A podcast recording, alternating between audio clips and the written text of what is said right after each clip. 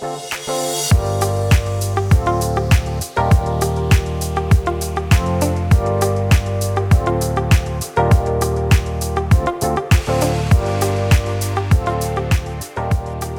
till Högräntepodden.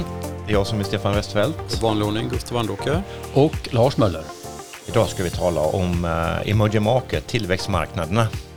Det är dags nu. Vi har, vi har gått och har pyrt lite. det har det, så, det har hänt så mycket men vi tyckte att det var en bra timing för det. Det är väl lite så att kan man säga att vi är en höstpodd också. Vi är starkast. Vi kommer liksom ur sommaren, kastar oss ut här och nu är det dags för emerging ja. markets idag. Ja. Eller hur Gustav? Absolut. Och, uh, ja, men det är så mycket som när, när vi tog upp det här eh, diskussionen om vilket ämne vi skulle ta och så blev det emerging markets. Jag kände att det var mycket som triggade igång ja. i mig. Mm. Det, det är ett väldigt stort ämne. Ja. Och jag vet när jag satt på, på Storebrand där för 20 år sedan och, och förvaltade företagsobligationsportföljer så kom ju uh, investmentbankerna förbi mm. och sa att nu, nu är det emerging market det man ska mm. gå in i. Mm. Alltså då skuld eller bonds då. Ja. Och, och, och, indirekt så pratar vi om det i ett av våra första avsnitt om, om Evergrande. Ja, det stämmer ja, också. Så vi har touchat det tidigare. Ja. Stämmer. Ja. Nu är det dags igen. Nu är det dags igen. Ja, men det är, det är också eh, som sagt var någonting som, lite grann samma tidsperspektiv Stefan, att det fanns en tid där efter, ja, när mycket geopolitiskt geopolitisk utveckling gick verkligen åt rätt håll med, med start när muren full och eh, sent 80-tal där in mot 90-talet så, så var det ju verkligen en, en atmosfär, en, en, en, liksom en, eh, en syn på det här med emerging markets som var väldigt optimistisk på rätt så goda grunder då. Men vi kommer väl tillbaka lite till det idag kanske. Men så. att där kan man nästan räkna in ett antal besvikelser får man nog säga. Absolut. Jämfört med sentimentet vid den tiden då. Och sen kan man tänka på att på 90-talet var inte bara, ja det var det positiva, att man eh, kände att här finns det, vilka möjligheter det finns. Samtidigt så var det ju många emerging mark som var fruktansvärt dåligt skötta. Ryssland gick i konkurs 98. Vi vet Så, ju hur absolut. dålig den ryska avregleringen skedde runt det. Vi hade Thailand, eh, Thailand bankkrisen 97 och så Brasiliens oräkneliga defaults på 80-talet och problem realproblemet eh, tidigt 2000. men du ja, vet, och då har vi bara, bara nämnt russinen i kakan. Ja, ja, Nej, men så är det ju förstås Stefan. Så det, och, och, men jag tror, ja, absolut, vi kan återkomma till det. Men jag, mm. Minnet kan ju svika, det skulle inte vara första eller sista gången. Men, men, men visst, visst, det fanns liksom ett, ett, eh, ett paraply här av optimism kring emerging markets och framtida tillväxt som var, visade sig kanske lite Eh, överdriven då eh, mm. jämfört med hur utfallet har blivit mm. på några håll då. Så det kan vi komma tillbaka till. Det är spännande att tänka runt det där när man nu kanske tittar på emerging markets igen. Ja. Vad är drivkrafterna för att gå in nu? Vad är det nu man i så ja. fall verkligen kanske bör tänka på då? Mm. Men det var lite intressant. Jag gick faktiskt tillbaka och tittade. Om jag hade följt det rådet då som jag fick där 2003 att köpa emerging market bonds och hållit dem i tio år så har vi faktiskt varit upp 200 50 procent, vilket var bra. Mm. jag kan säga att S&P 500 gjorde, gjorde 60 procent under samma tioårsperiod. Var det EM High Grade där? EM High Grade, alltså då fanns det ingen Nej. high yield. Nej. Utan eh, det var, ja mm. det kallades så, det var bara emerging market bonds. Mm. Då stat och vissa mm. stabila större mm. Bolag då på emerging market. Hade man, man hade fått, faktiskt, de skällde mycket på equity och sa att det skulle man inte ta i, men mm. det var, gick, emerging market equities gick ju stort sett lika bra. Mm um, som, som, eh, som bonds. Men däremot så tog man, om man hade tagit emerging market bonds i lokal valuta, det vill säga tagit emerging market valutarisk också, så hade det inte gått lika bra. Då hade man bara varit uppe 130 procent under en tioårsperiod. Mm. Vilket också är en ganska fin avkastning. Men, mm. Eh, det, men det var en positiv miljö då eh, under de tio åren. De blir ju inte så rammade av eh, kreditkrisen heller. Nej, det är ju sant. De kom mycket sant. snabbare tillbaka, eh, både Kina och, och många andra emerging markets. Ja, det, och här var ju lite som det här, 2003-ish så där, det var det också tillräckligt lång tid efter att de här riktigt stora Asienkrisen 97, eh, Ryssland 98 som du nämnde med flera, det hade ju på något sätt lite städats upp och stabiliserats efter det då. Så, så även om det, och det är väldigt god avkastning de här tio åren, det kanske, den var inte alldeles eh, fri från volatilitet dock. Så att, eh, jag menar, att så sitta igenom det här hade ju också kostat på något, men, men absolut. Ja, så är det ju verkligen. Så är det. Men nästkommande period då, eh, för samma index så är det faktiskt noll Uh, emerging market stocks från 2013 till 2023 fram till idag i stort sett noll i alla fall det är indexet jag tittar på. Sen kan du säkert hitta något så går det lite fram och tillbaka. Men, och bonds har bara varit upp 30 procent på 10 år i en rätt dålig avkastning. Då kan ni jämföra med S&P 500 under samma tioårsperiod, 170 procent.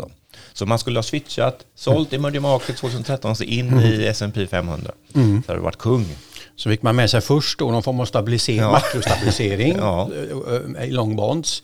Och sen så um, skulle man efter det då fått med sig framförallt IT och, och, och, och teknikinnovation i, i, liksom i USA i stor hög grad. Då, något sätt. Det hade ja. varit switchen här. Ja, just det. Mm. Och då kan man undra vad är det egentligen då fundamentalt som har hänt? Varför har det blivit ett sånt stort skift? Det kanske det är en av de roliga, intressanta topicsen. Absolut. Kan, uh, mm. Ja, och, det, och, och, kanske en ja. framåtblick. Vad tror vi om nästkommande år?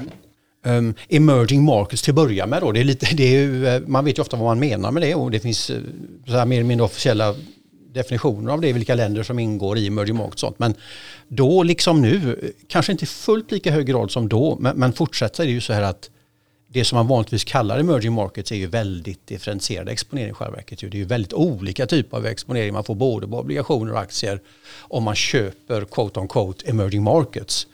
Och när vi har hela liksom exponering mot någon sorts global slash asiatisk industricykel är ju stark i emerging markets från Asien, från Asien, inte minst sånt som Sydkorea och Taiwan och så vidare. Då. Men sen har du ju en helt annat block som är mycket mer exponerat mot till exempel eh, råvarumarknader som säg, Syd Sydafrika, delar av eh, eh, Latinamerika och sånt. Va? Och, och, på toppen av den här liksom, differentierade exponeringen så finns då Kina som har väldigt e egna typer av förutsättningar och som dessutom eh, över den här perioden har växt från ja, kanske 5 eller något sånt där av market cap till för att nu ligga och skvalpa runt 30 eller däröver. Så att Kina har ju fått en storlek i det här EM-universet som alltså, som kräver att man tar ställning till hur man ska göra ungefär med Kina. Va? Ska, vi, ska vi finnas där, ska vi inte göra det och i så fall klarar vi av riskerna och, och liksom osäkerheten runt det. Va? Så det är det, på något sätt så eh, är man liksom ny in mot emerging markets nu och, eller för den delen har varit med ett tag så kanske det är en, en lämplig tidpunkt att liksom titta igenom vilken typ av exponering man förväntar sig. För att bara liksom köpa in i tillväxt, det, det, det har inte betalat sig. Och det Nej. är sannolikt kanske inte så att det kommer betala sig framöver heller riktigt. Då. Nej, låt, oss, låt oss fortsätta där om det kommer betala sig framåt eller inte. Men det är också intressant för man kan tänka sig, eh, man skulle trott att en nollränteperiod som under 2010-talet, att det hade varit positivt för tillväxtmarknaderna. Eh, låga dollarräntor borde på något sätt ha varit bra för eh, tillväxt, tillväxtregioner. Mm. Men, men, men, det har varit andra faktorer, som geopolitik då till exempel. Mm. Absolut. En stark dollar. Dollar har faktiskt gått väldigt bra under 2010-talet och fram till nu. Vilket också är dåligt för emerging markets med mycket, som ligger mycket med hard currency, debt och sånt. Definitivt. I sina, i sina statsskulder. Så att, eh, det är flera saker, men jag tror, jag tror att sentimentet är nog det viktigaste av allt här. Mm. Att eh, det som kriget i, i, i, i Ukraina mm. och Ryssland redan 2014 gjorde den här första mot Krim Eh, och sen börjar det egentligen här då, vi, vi var inne på de geopolitiska eh, förändringarna som har varit. Men det är egentligen så att det börjar också innan eh, invasionen av Ukraina med pandemin där bolag börjar diskutera efteråt hur är det med våra leverantörskedjor. Så man Stämmer. börjar dra hem det lite mm -hmm. där och sen kommer ytterligare då. Det blev en anti globalisering trend som, på, som blev ännu starkare efter pandemin ja. som redan lite grann hade påbörjats mm. kanske. Mm. Och det ser man ju bara på om man, om man tittar på världshandeln, hur mycket faktiskt gods som transporteras, så är det ju inte samma tillväxt längre. Till, till och med vissa år har det varit negativ och så vidare. Nej, men verkligen, alla de där sakerna har på något sätt slängt lite grus i det här ja. tanken på att eh, tilltagande globalisering, mm. tillväxt och öppna, gradvis allt mer öppna marknader och integrerade marknader. Ja. Det där har ju, mm. det har ju kommit att bli en helt annan eh, osäkerhet runt det och helt andra kostnader förknippade med det. Så det är klart, då kanske det inte är så konstigt heller att att delar av just emerging markets då är de som tar en, en hel del stryk av, av det här. Då, då. Så, så, så det, det har nog legat i korten lite grann. Då. Ja, och, så, och så kom Trump in, den här populistiska eran då i väst, eh, i väst som, som har varit väldigt anti eh, också. Att man ska klara sig, vad var det han sa? Ja, USA make, let's make you US great again. Vad är det han säger? Vad säger han? säger så mycket man kommer inte ihåg. Ja. Herregud. Make America great, Maga, make, make America, America, great again. Ja, ja just det. det. Ja. Nej, men just det här att, att inte vara så, det ska inte vara um, andra länder som ska bygga upp USA och investera och äga USA, utan det ska vi göra själva. Importtullar mm. som har tilltagit eh, jämfört med innan Trump-eran. Mm. Exakt, han påbörjade handelsstriderna och, och, och det har ju många länder tagit efter. Ja, men jag ser också, om man tittar lite på där jag har varit verksam tidigare, till exempel ett sådant land som Kanada, då, som har väldigt, om man tittar på institutioner i det här sammanhanget, som Kanada till exempel har ju en väldigt då, väl utvecklad pensionsförvaltning på olika sätt, då, både liksom federalt och lokalt sådär, så, så, och, och, stora summor. Liksom. Så, så, och där är ju där har ju attityderna vänt en hel del. Alltså en del av de allra största är ju kvar. De har ju som lokal förankring i Kina. Framförallt är väl det man talar om då. Och har folk liksom boots on the ground som man gillar att säga då. Mm. Eh, och så kan ha liksom en, ett förhållningssätt till Kina även om det är väldigt svårt då. Men många andra har ju, har ju valt att, att, att, att skifta ner ganska rejält då sin exponering. Kanske mot EM i allmänhet men Kina i synnerhet då. Och det här sker ju lite grann i hälarna på det här vi, vi pratar om Eh, här nu då. Så, så, institutionella flöden och institutionellt intresse för eh, delar av EM har nog, har nog också fått sig en ganska rejäl törn. Jag tror att det är många som, ja det är inte jättemånga som spelar in högräntepodden, men det är ju jag tror det är många som sitter runt bordet och diskuterar EM på det här sättet eller liknande mm. som, vi, som vi gör då. Och, så, och jag tror inte riktigt liksom, eh, jag tror inte det finns en, eh, jag tror inte det finns en klarhet, det finns inte en tydlighet överallt ännu kring hur man faktiskt ska förhålla sig till kanske i synnerhet Kina då som ju man inte kan tänka bort. Va? Jag menar, vi, vi, det är ju så, storleken är ju, är ju liksom, den är ju bara in your face, va? så stort är det ju. Men, eh, Nej, men istället har det varit under 2010-talet var det ju småbolag då som mm. gick så fantastiskt bra. Techbolag och småbolag ja, har ju outperformat något vansinnigt. Mm. Mm. Nu har den eran lite grann spruckit nu när räntan har gått upp de senaste två åren här. Mm. Så nu, nu är småbolagen ganska eh, dött. Men, men, men, men, ändå, det har varit en fram tills, för två år sedan var det ju en fantastisk resa. Mm. Så kapitalet har sökt sig dit istället. Mm. Frågan är vad händer nu? Um, ska emerging market, det är alltid lockande med någonting som har blivit råbilligt. Så är det ju. Ja. Så är det ju. Och, mm. uh, men, men, men samtidigt så att ha fundamenta med sig all, är, ju, är ju ändå det viktigaste ändå. Va? För du kan, du kan inte sitta och vänta på någonting. Det är inte roligt att sitta och vänta på någonting i tio år. Nej men det, och tittar man på folk, menar, vad folk gör typiskt sett om man tittar på värderings... Jag menar, vi vet ju alla, det finns en massa eh, oändligt antal, höll jag på att säga, men, eh, med, eh, versioner av värderingsmått hit och dit. Då, men, men det finns en ganska tung eh, kärna tycker jag. I, om man tittar på, om man jämför liksom emerging market som aggregat då, trots det vi just sa om att man kanske borde titta på det lite mer differentierat då.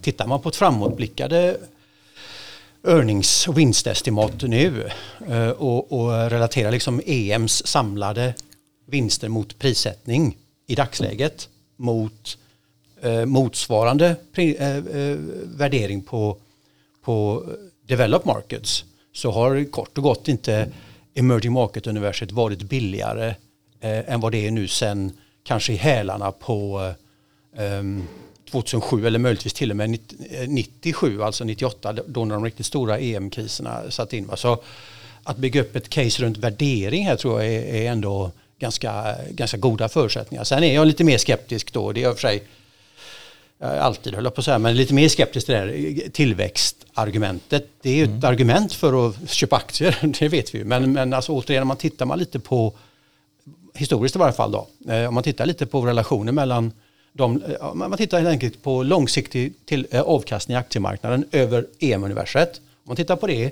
och jämför det med motsvarande BNP-tillväxt. Just det. Då, då, då, är det inte bara så att det inte är någon relation knappt alls det, det är nästan så till och med råkar det vara då att, att de som har växt allra mest, de, de har nästan allra sämst avkastning i sina lokala aktiemarknader. Hur kan detta vara? Ja, det kan ju finnas ett lång rad skäl. Men ett skäl upp, blir uppenbart när man gör samma jämförelse och istället för BNP tittar på tillväxten i reala vinster över samma period. Earnings per share över samma period. Då ser man plötsligt att att här finns den naturliga koppling som man söker då, nämligen företagsvinster som man vill, som man vill köpa sig in i. Va? Så här, här är den, den skillnaden mellan liksom övergripande makromiljö å ena sidan och, å andra sidan hur företagens vinster faktiskt utvecklas. Den skillnaden är alltid viktig såklart när, när man tittar på långsiktig allokering och sånt. Men, men den tycks vara ännu mer viktig och ännu mer distinkt och ännu större skillnad när man tittar bakåt i varje fall på emerging markets erfarenheten så långt.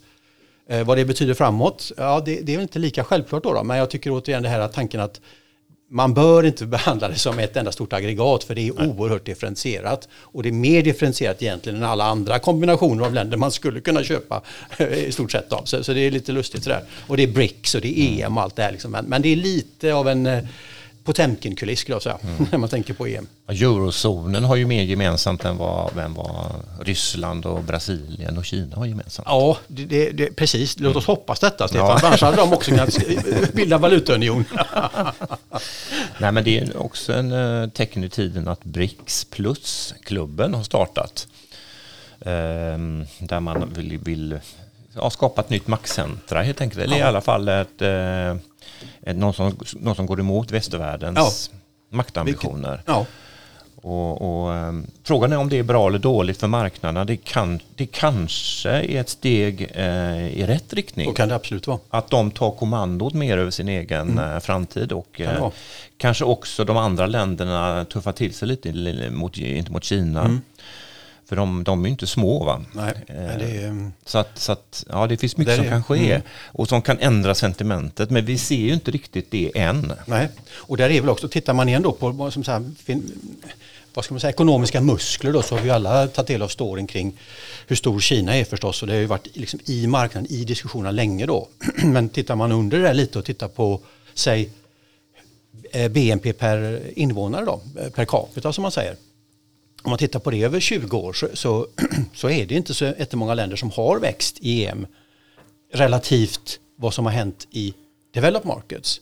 Det är Kina och några till som verkligen har växt till sig. Många andra länder har stått antingen still eller till och med gått ner lite. Som, som, som, där man tittar på BNP per invånare jämfört med hur den, eh, developed market ser ut. Va? Ja. Så det här med jag kommer tillbaka till samma poäng här hör jag, men, men lite grann det här om att makrofundamenta, självklart måste man hålla det långt fram i analysen, men, men här finns eh, eh verkligen grader i, i helvetet skulle jag påstå att, att och, och Kina är ju eh, Kina har ju sin beskärda del av, av, av, utmaningar som det är förstås, men, men eh, jag noterar bara hur eh, en del i, i sell-side-flödet och sånt, vad folk börjar titta mer noggrant nu då på Eh, en väldigt viktig liksom faktor kring eh, långsiktig tillväxt, nämligen demografi och utvecklingen av, av arbetskraften kort och gott. Och, det, det då, och det är ju inte någon nyhet direkt, då, men, men det tycks fastna lite mer nu, nämligen hur, eh, hur svår Kinas demografiska utveckling och, och liksom produktioner faktiskt ser ut. Då. Och det, det är nog en utmaning på riktigt och då har vi inte ens nämnt skulduppsättning, skuldsidan och fastighetsmarknaden och sånt där. Men eh, ja, ni hör, jag, jag, ja, det, det, det, jag låter inte jätteoptimistisk. Jag jag, men, ja. komplettera där du säger om den demografiska problematiken i Kina har egentligen med den här enbarnspolitiken att göra, eller hur? Den har väl i stor, det är väl en avgörande faktor kanske, mm. men den är kanske inte ensam heller då. Men rent räknemässigt så är det ju, är det ju förstås den som, som, som lägger en, en, en, en kraftig liksom, mm. barriär här då, men även efter den jag, inte, jag vet inte riktigt hur länge sedan de släppte på den, men även efter den. Så jag, jag vet inte, men jag misstänker att, att även bortsett ifrån den så är förutsättningarna eh, liksom i dagsläget inte de bästa. Då. Ett nytt Japan? Ja, men det är ju lite det som i så fall i någon sorts kanske förenklad men ändå liksom bred penseldrag. Man, man, det är den riktning man ser framför sig då om man målar upp ett mm ett negativt scenario i allt det här. Det finns ju förstås alternativa scenarion kring Kina. Va? Nu har jag betonat den här liksom svaga sidan. Det finns ju annat att hålla sig fast vid. Men, men jag tycker eh, det, det är en bra startpunkt. Alltså. Mm. Eller också blir det ännu värre än Japan. I och med att... Eh, ja, låt oss inte begränsa vår fantasi här nu Stefan. Utan, nej, men, nej, men allvarligt talat, eh, jag menar Japan är nog demokrati och det finns en kapitalism, mer välfungerande kapitalistisk och marknadsekonomi där än, än i Kina. I Kina ska Eh, statsmakten in och, och begränsa och mm.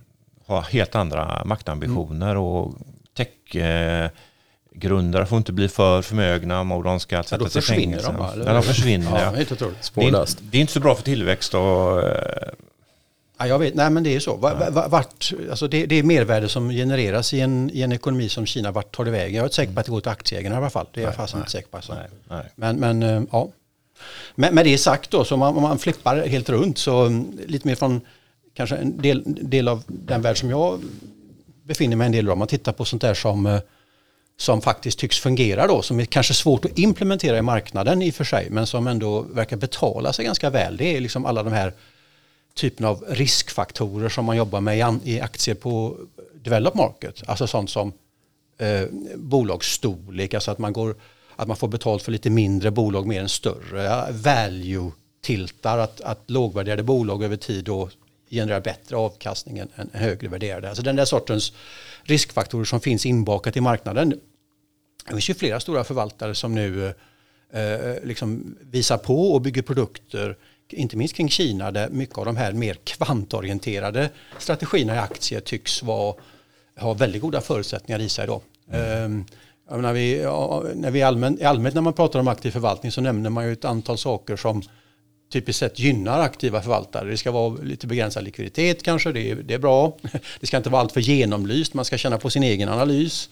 Man ska, man ska inte, information ska inte vara alltför transparent för då har man också chans att göra det bättre än någon annan. Och alla de här sakerna finns ju på något sätt inbakade då i, i varje fall delar av emerging markets på ett sätt som gör att man eh, inte med Kina tycker jag, nej, det känner jag själv. Fall, och, man, jag litar inte på datan som kommer nej, från, men lite från statsmakter. Så. Så, och hur detta ska implementeras bäst, det, det är ju liksom, där kanske det blir det kanske, det kanske det finns eh, svårigheter som överstiger det här, va? Eh, möjligheterna då. Men, men, men återigen, det är en miljö som är intressant för den, den, som är aktiv och som har det som sitt fokus. Liksom. Nej, men det kan ju vara så att det är, många tror ju att när, när räntorna börjar sänkas lite igen nästa år här så kommer det ju småbolagen som kommer dra iväg igen. Men det kanske inte är det. Det kanske Nej. är emerging markets som ja. Eh, får sig en, eh, ett sving upp och mm. en ny era. Mm. Och då kanske inte alla emerging markets utan det kanske är Indien, Vietnam och andra, andra marknader som, som har kanske mer framtiden för sig. Mm. Indien har väl i någon mån kanske, jag vet ja. inte, kanske går lite långt, men i någon mån har väl övertagit lite den där folk ser på Indien lite som det här nya nästa liksom stora eh, tillväxt område då och Kina som vi beskrivit nu har lite mer av svårigheter och sådär men Indien växer och det och så va. så att jag vet inte det, väl, det, finns väl en liten sån aura kring Indien för närvarande tycks det då mm. jag vet inte men mm. och det är ju stora vilka är de stora vi pratar om de stora länderna i det här indexet jag menar vi pratar om att det är så diversifierat ja, Kina, men här har vi ju ja. ja Kina står för 30 procent Taiwan 15 Indien också då 15 och så är Sydkorea något mindre på, på 12 och Brasilien 5 och så, ja, Där har vi, där har vi liksom 60% av index på fyra länder, eller vad blir det? Ja, det är till och med, jag tror att om vi räknar då Brasilien också så är vi uppe i en 75 ja, ungefär. Ja, där, så, så övriga då, jag tror att det är en 24-25 länder som ingår i MSCI då i alla fall, emerging markets. Och då står de övriga för, för 23% ungefär. Ja, det, det är intressant. Ja, det är det verkligen. Och man tror ju faktiskt att Brasilien ska vara större, men de är inte så stora Nej. i det här indexet. Nej, och, de har ju, och den stora skiftet viktmässigt som har skett i det här indexet, mm. återigen, det är ju Sydostasien och Kina i synnerhet. Det, det är det indexet som har växt, eller det är de länderna som har växt som andel av, av helheten så att säga. Va?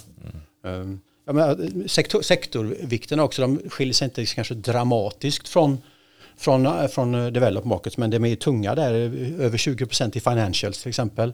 Mm. Um, IT ligger med 20, jag vet inte vad det jämför riktigt på världen, men kanske lite lägre. Och sen consumer discretionary för, för en, upp mot en 15 procent. Så det, det är en liten annan sektormix också här som man kan liksom få annan, annan, annan typ av exponering mot då, än, än om man gör motsvarande grejer i... Hur är det med Östeuropa och Turkiet? Som, som storlek i, i ja. index, ja det är väldigt lite. Alltså det, ja. Jag, jag vet faktiskt inte siffrorna precis där men det är små små eh, mm. slattar i sammanhanget. Då. I och med att Erdogan har punkterat uh, liran också. Så ja, ja, precis. Så precis. det är inte så mycket kvar. Ja, men det är sant. Du var inne på lite olika värderingstal tidigare ja. ju, Lars. Eh, på, och om man kollar då på Cape eller så här. Det är ju en ett genomsnitt på tio år. Vinsterna i genomsnitt på tio år. Ett PE? Ja, ett PE, ja, precis. Eh, över earnings då. Och, och, där är ju faktiskt Kina extremt lågt idag, även jämfört med deras egna snitt på cirka 15. Mm, okay. Eh, mm. Så det tycker jag är lite spännande att se. För mm. Man ska inte jämföra vad jag har förstått eh, Schiller då som det egentligen, det var han som, som kom upp med det här eh, PE-talet då på tio år. Och, men, men relativt då utvecklade marknader på, på 26 procent kontra då ett genomsnitt på 23 och, och, USA ligger extremt högt, runt 30 tillsammans med Indien. Så, som eh, USA 16 i snitt och eh, Indien 20. Mm. Så det börjar se dyrt ut i, i Indien om man nu bara isolerat kollar på mm. den här Chile P 10 år. Ja, men jag, jag, tror att, och man behöver inte titta isolerat på Chile, jag tror man kan titta på de flesta olika eh, typer av värderingsmått på aggregerad nivå. Liksom, så kommer man nog landa ungefär på samma ställe. Ja. Nämligen att, eh, inte minst Kina, men det, EM ser liksom eh, billigt ut då, och USA ser dyrt ut. Mm. Mm. um, så. Um, en annan sån omständighet när det gäller liksom själva infrastrukturen i indexarna och sånt här, mm. det är att det finns man har pratat, vi har pratat en del även i podden då, om det här med att det är så koncentrerat i, i USA, framförallt då med Magnificent Seven och, och allt sån här tech-exponering på toppen och, och, AI och allt sånt där. Men även, även MSCI, eller förlåt, även EM-index är ganska rejält koncentrerade där vi har några stora, riktigt stora bolag som jag, menar, jag tror indexet håller en 12-1300 bolag va? Ja. Men du har liksom eh, Taiwan Semiconductors på 6,5 procent. Du har Tencent på 4 procent och du har liksom wow. Samsung på 4 och så. Va? Så att här finns eh, koncentration då i, i delar av det här indexet som är ganska så rejält även där. Då. Mm. Just det. Just det. Mm. Så, så uh, om vi ska då titta framåt, är det, är det läge att gå in i emerging markets nu? Så kan man väl säga att värderingsmässigt ja, ja. eller hur? Det ja, jag tycker också det ser ut så. Mm. Ja, fundamentalt tveksamt va? Jag tycker att det är en, ett värderingscase som handlar om vad man, vad man tror om liksom, eh, eh om man är beredd att ha tålamod helt enkelt. Mm, mm. Däremot tror jag, jag tror inte mycket på det här liksom, någon sorts revival av, av tillväxt som ska lyfta upp hela, mm. hela universet. Det, det, tror inte jag på. Så att emerging markets kommer inte att ha mycket högre tillväxt än eh, västvärlden? Nej, jag tror inte, ja, alltså, det, kanske en del högre mm. kan man nog tänka sig. Men jag tror, eh, jag tror att den spreaden kommer gå ner ja. eh, en del. Det, det, tror jag. Det är inte alls mycket om jag kollade rätt Nej. på siffran. Det är 3,5 mot 4,5 under kommande mm. två år. Ja, jag tror att det ser liksom. ut så. Ja. Men sen är det väl, ja, ja precis. Mm. Däremot så, nej jag måste nog säga att jag inte heller sådär jättepro eh, eh, emerging markets. Utav de orsakerna som vi sa tidigare med den geopolitiska riskerna som ökat. Vi har fortsatt eh, höga dollarräntor, vilket är negativt, plus ja. den höga ja. dollarkursen. Så det, det, blir lite svettigt. Och trenden att västbolag fortsatt, fortsätter att dra produktion utifrån från Kina. Och I och för sig är det kanske in i vissa andra emerging markets. Vi, så, vi såg ju Apple mm, som startar fabriker i Indien istället. Precis, då. Precis. Så det kanske, vi kanske inte ska måla för mycket Nej. negativt på väggen. För det är alltid sådär, du vet hur marknaderna är, plötsligt ser man någon startskott på någonting. Ja. Och, och, ehm, men, vi, ja, men jag tycker ändå fundamentalt så, ser det, så är det rätt tveksamt idag. Eh, kanske bilden klarnar om ett år eller någonting men, men eh, Nej, men det, om vi pratar räntesidan där, vi, lite high yield exponering ja, som man kan få bra, idag i, bra. i Asien. Ja. ja. det är så himla mycket snack om aktier jämt. Ja, det är det. Ja, och, och, det här är en högräntepodd trots allt. Nej, men fasen att vi glömde det. Va? Hur kan det vara så? Nu ska vi titta på det för att ja. eh, emerging market, vi behöver inte ens gå in i high yield, vi kan ta emerging market high grade som också är ganska mm. high yield. Va? För mm. att du får ganska bra yield på emerging markets idag, precis som du kan hos oss. Va? Vad alltså, ligger man emerging, ma vänta, ungefär? Ja. emerging market hard currency bonds snackar vi om. Ja. De följer ju med USA-räntorna upp. Ja. ja. Så du har ju 4% 5% nu då Fed eh, där i grunden. Va? Och så ja, Tioåringen ligger på 4,50 idag. Då. Så du har, det har du och sen kommer en spread på det då. Riskpremien. Prispremien på 2-3 procent kanske du har en fin yield idag. Mm. Så det, det, eh, det kan mycket väl vara så att det är där man ska först eh, tassa in. Är det marknader där som alltså, kring så att säga corporate bonds mer i allmänhet så här, är det marknader i EM som ser lite mer där bara själva marknadens funktionssätt och infrastrukturen är lite mer eh, gynnsam och stabilare än andra så där som man ska tänka på i så fall eller? Alltså det, det, är väl alltid sådär, de länderna som har en bättre, högre kreditrating, mm. som är inne i investment grade, som inte är high yield längre bland ja. Eh, emerging markets, det, då har du en bättre bas att bygga en high yield-marknad på eller en högräntemarknad mm. på. Mm. Samtidigt så vet vi att eh, problemen i fastighetssektorn har ju ja vad ska man säga, de har fortsatt mycket längre än vad vi, än vad vi trodde från mm. början. Mm. Vi, vi trodde ju mm. att inte minst i Kina då? Som ja, sagt. precis. Att, att Kina skulle då som stat kunna stötta de här eh, bolagen bättre och ta ett större grepp om det för, för att rädda, nu kommer jag inte ihåg vad, vad yielden var i, i eh, Kina när det var som mest, men jag tror 30 procent mm. nästan i yield liksom, All right. på de här bolagen. Ja, men detta är så, det, alltså, precis, och vi hade faktiskt ett, ett poddavsnitt som handlade om Evergrande och den ja. kinesiska ja. high yield-marknaden eller den asiatiska high-marknaden, eh, en av våra första faktiskt. Ja. Men, men då trodde vi, trodde vi nog att uh, kinesiska myndigheter skulle gå in mer hårdfört och styra upp läget. Eh, det blev inte så och det blev, och, de är fortfarande inte ur sin svacka. Nej, man, de är fortfarande väldigt depressed. Man tog ett grepp i juli i år och sa att man skulle stötta ännu mera och sen så ut i augusti så kommer en smäll igen men nu kommer jag inte ihåg vilka det var som, vet du, de jag skulle säga, vad finns det? Garden, Aha. någonting som, som inte kunde betala sina räntor här i augusti. Hur ser det ut med Evergrande har ju fått mycket, för oss som är en bit ifrån det här, Evergrande har ju fått mycket media och så också ja. förstås mm. och folk har varit fokuserade på det. Men har ni någon liksom color på hur det ser ut eh, omkring Evergrande och andra delar av liksom, eh, det här fastighetssektorproblemet? Det har väl spridit sig till Country Garden va? Ja, mm. så heter de. Country Garden. Country Garden okay. Ja, de är också i stort sett defaultmässiga. Mm.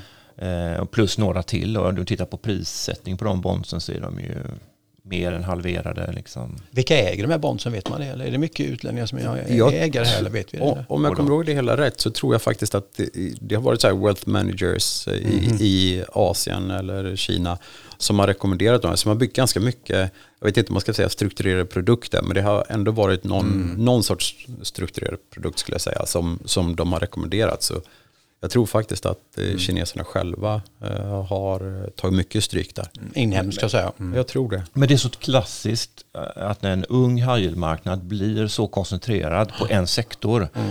Så var det nu i, det var bara fastigheter i stort sett från Kina som var asiatisk mm. high mm. Och när den europeiska high kom igång, när jag var på Storbrädan satt där, mm. så var det 50 procent cable, alltså sådana här telekombolag och du vet, som skulle, du vet, eh, IT, IT-relaterat kan man säga. Mm. Och som bara kraschade. Så, den, hälften av den eh, europeiska höjdmarknaden försvann 2001-2002. Ja. Inte helt olikt Norge i, i olje, nej, nej. oljekraschen. Nej, okay. Eh, och, så, och även Sverige här nu det sista. Så, så det, men där, precis, så efter detta nu nästkommande tio år i Asien så kanske de får en bra höjdmarknad. Ja, precis som, och vi i Norden har ju kommit längre. Ja. Så att eh, det är lite mm. intressant det där. Mm.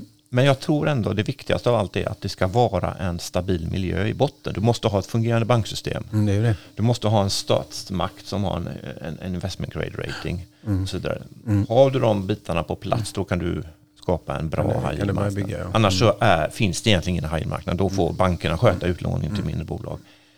Och, och, och, och företagsobligationsmarknaden fokuserar på investment grade-bolag. Så att jag tror ju fortsatt att man ska fokusera, om man tar företagsobligationsexponering på emerging markets så är det high grade. High grade, och bara kort då, vad ligger det ratingmässigt då till skillnad från high yield? Ja, då är typ. det liksom trippel B, vi kanske några dubbel B finns ja, också sådär, men ja. du, du, ska stanna där, du ska inte ja. ner längre Nej. ner. I. Du ligger mellan IG och eh, investment grade och high yield lite grann sådär. Ja, precis. Just det. Så det, det, det, och där är misstänker du ett segment som eh, ja, men vi kanske kommer till det när vi tänker på penningpolitiken och vad som händer nu. Men det, jag antar att det är ett segment då som, som faktiskt har fått åka med och fått lite stryk ihop med att, eh, att framförallt amerikanska räntor har, har, har åkt upp så här och, och, och dollarn har åkt iväg. Så, så, så har det fått, eh, har varit tungt ett tag men, det, men som sagt förutsättningarna börjar ändra sig nu. Men det är faktiskt så att amerikansk high, eller emerging market high har faktiskt de sista tio åren då har du fått dubbelt så mycket eh, hög avkastning som du har fått i eh, amerikansk high grade. Mm. Så när du köpt de investment grade-bolagen i USA så hade du inte tjänat så mycket pengar. Mm. Så, så det har faktiskt fungerat ja, för en obligationsinvesterare i, i, den, i segmentet. Mm. Så har det funkat att ligga i emerging market hela vägen.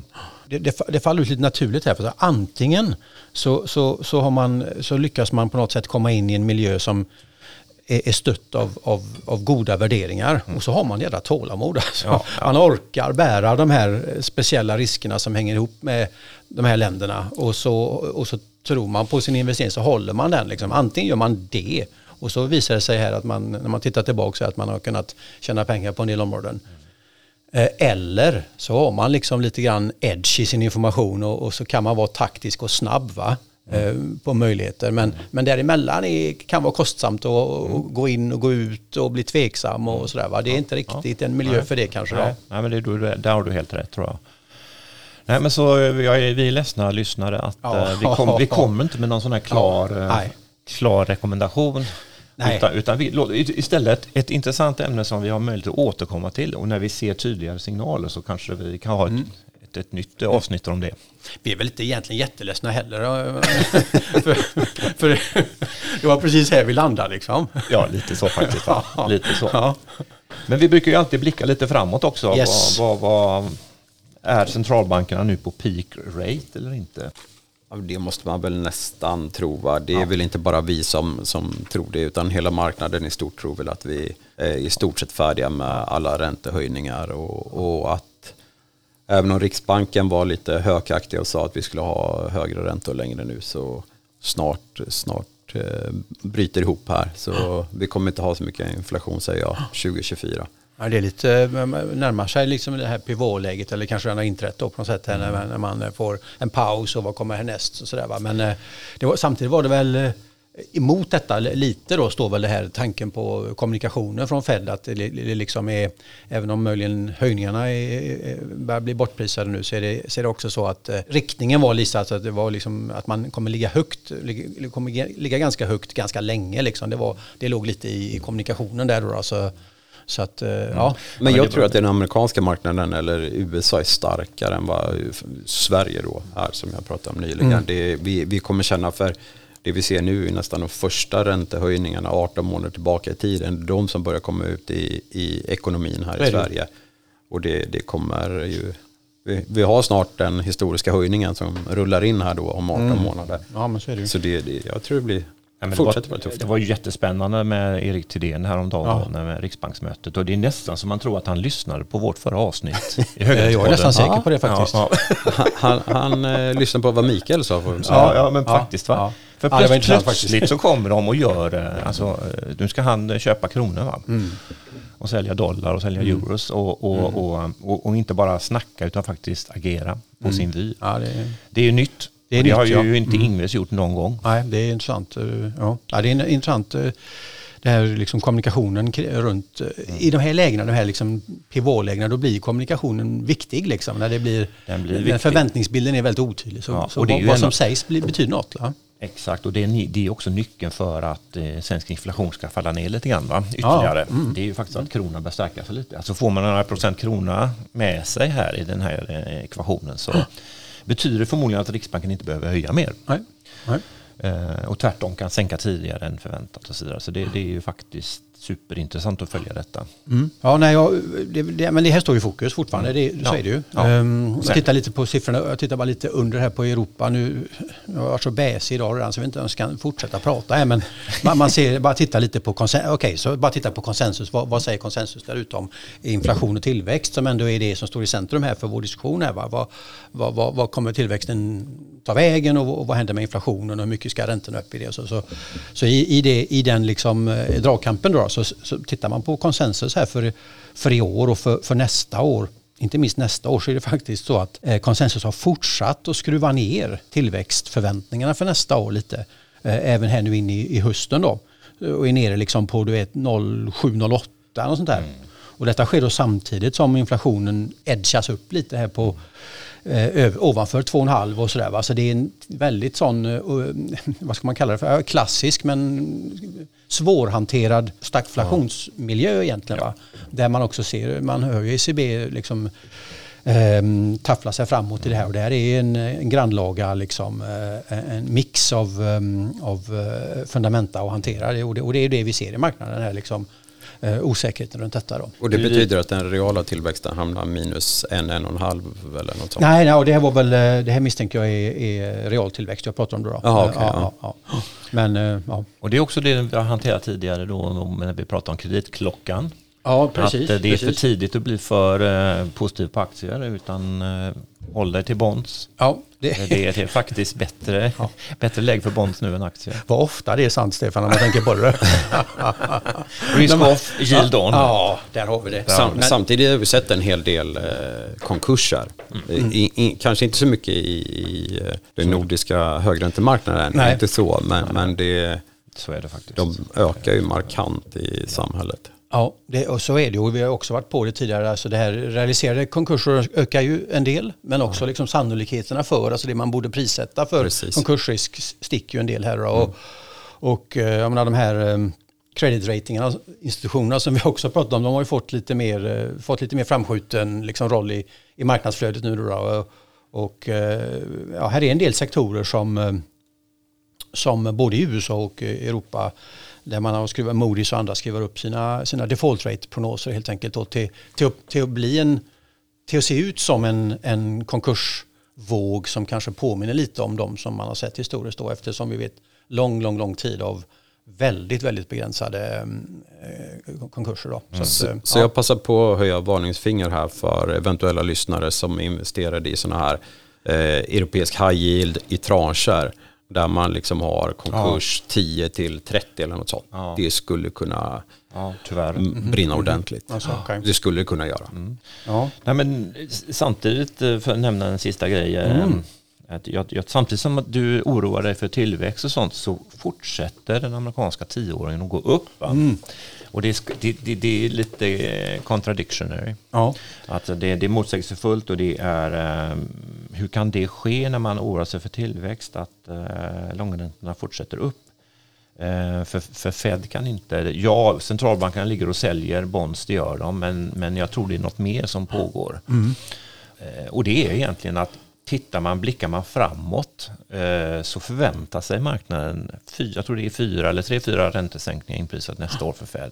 Då förväntar man sig tillväxten skjuta fart längre fram. Mm. Så att man tror att de långa räntorna faktiskt ska vara högre längre fram. Alltså, och, och, och, på grund också av att inflationen inte kommer bli superlåg igen. Mm. Utan vi kommer ha lite grann en, en, där Fed får kämpa lite grann för att hålla nere inflationen. Mm under, under uh, runt två så att säga. Sen har det varit ganska artificiellt nedtryck. Liksom. Jag känner i alla fall om jag ska låna ut mina pengar att jag vill ha någon sorts ränta på det. Det känns orimligt att jag inte ska få dem jag lånar ut pengarna. Verkligen.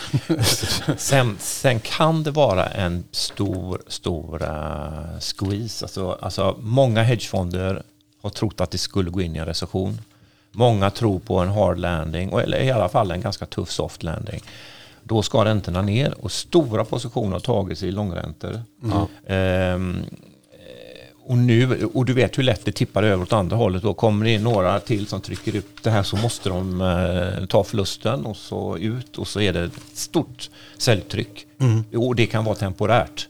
Det kan faktiskt vara så att ja. tioåringen går ner mot fyra igen. Ja. Lite senare i år. Ja, vilket inte skulle kännas så där konstigt kan man, kan man tycka. Att, inte alls egentligen. Eh, så, man är i någon sorts eh, price to perfection så tycker man lite att... Eh, det är lite ja, konstigt Ja, lite så. Men, men, ja. Mer i så fall tycker jag nästa, samma tid nästa år om inflation eller tillväxten skjuter fart mm. så känns det mer naturligt att tioåringen ligger på 4,5-5 procent, men mm. inte just nu egentligen. Nej, nej. Så att, eh, nej, det där måste ja. vi följa upp eh, nästkommande år. Hur ser, vi, vi gillar ju, eller gillar vet jag inte om vi gör, men vi brukar ta upp, vad heter det, lutningen på kurvan där. Vad, vad ligger ja. vi där nu? Eller flat nästan då va? Eller vad? Nej, nej, nej, den är fortfarande 65 punkter ja. minus. Ja, ja, ja. ja. ja så, så, så det som, men det är ändå en, en flackning mm. på gång, eller vad ska man säga, det, den, den blir mindre aggressivt inverterad. Mm. Den, den, var väl runt 100 punkter ungefär som, som värst, alltså 1 procent mm. mm. högre på tvååringen kontra mm. tioåringen. Mm.